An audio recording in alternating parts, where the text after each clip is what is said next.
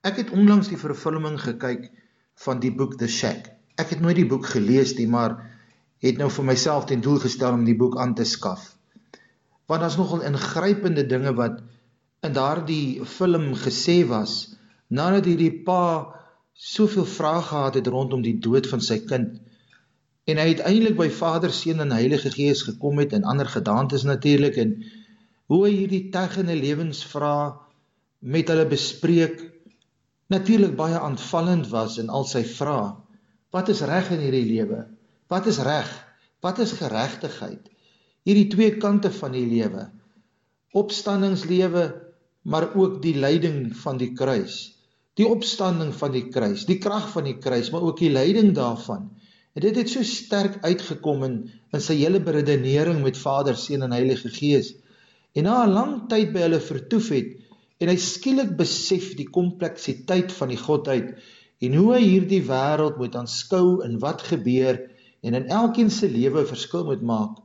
Hulle uiteindelik na hy verstaan het vir hom gesê het geniet jy dit hier? En hy het gesê ja baie ek wil graag hier by julle bly. En hulle het vir hom gesê maar jy kan as jy wil enige tyd.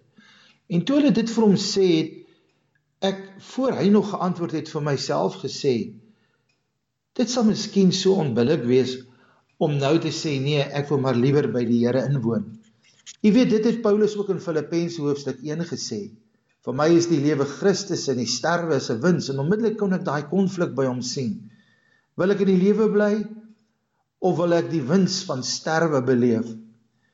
Maar hy gaan aan in vers 22 en hy sê maar as ek in die vlees moet lewe, dan beteken dit vir my vrugbare arbeid. En wat ek sal kies, weet ek nie. Want ek word van weerskante gedring. Ek het verlange om heen te gaan en met Christus te wees, want dit is verre weg die beste. Maar om die vlees te bly is nodiger om julle ontwil. En ek het vir myself gesê, dit is tog 'n keuse wat ons almal graag wil maak. Ag Here, kom haal my liewer. Ag Here, ek wil maar liewerste by U wees. Bid vir die koms van die Here. En daar's niks verkeerd daarmee nie. Maar wat van die wat moet agterbly? Wat van die in wie se lewe jy nog moet 'n verskil maak? En hierdie man het dadelik teruggedink aan sy vrou wat hom so lojaal bygestaan het en sy twee ander kinders wat hom so brood nodig het. En hy het uiteindelik die keuse gemaak om liewer te wil teruggaan en weer te kan regmaak waar hy verkeerd gemaak het en weer sy rol as vader te kan inneem. Ja. As ek na hierdie lewe kyk, kyk ek na hierdie teken wat ons maar in die howe kry. Reg en geregtigheid. U weet mos hierdie weegskaal. Maar hoe langer ek na die weegskaal kyk, het ek gesien maar die middelas van die weegskaal is ook niks anders as 'n kruis nie. Want jy sien dit lê nie in reg en geregtigheid nie.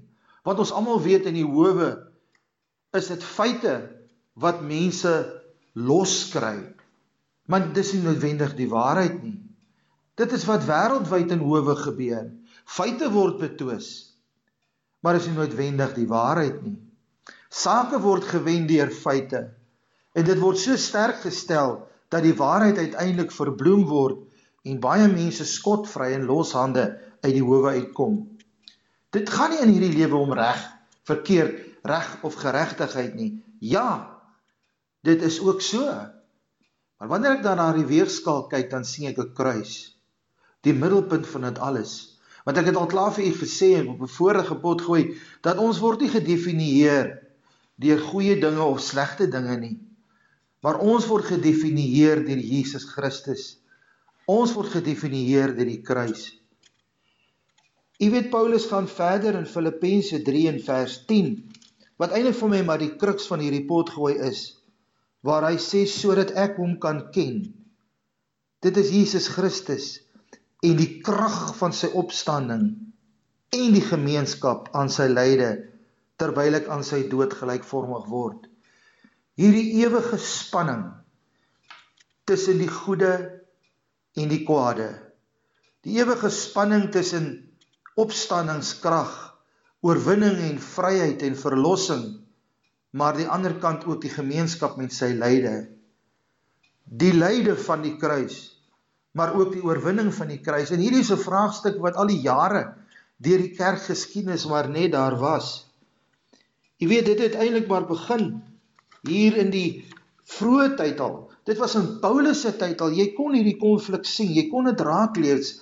Want in sy tyd het hy die slim Grieke gehad wat 'n antwoord vir alles geha gehad het.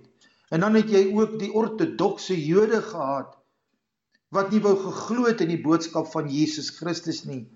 En vir ewig was daardie spanning maar daar gewees van Paulus se tyd. Martin Luther in 1518 wat weer vasgeglo het dat die regverdige sal deur die geloof lewe en God kan net geken word deur lyding.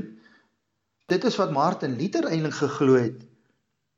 God sal net geken word deur lyding. Maar is dit so? Want jy weet as jy nie bereid is om ook te ly vir dit waarin jy glo nie, hoe sal jy ooit weet dat dit waarin jy glo reg is? Dat jou geloofs-oortuigings jou regtig deur alle omstandighede sal dra goed of sleg. Dit het aangegroei in in die 19de eeu waar Karel Barth 1916 gepraat het oor die vreemdheid van die kruis, hierdie ewige spanning wat die kruis bring, die konflik wat die kruis bring. Ja, ook as te ware die bedreiging wat die kruis ook vir moderne teologie inbring.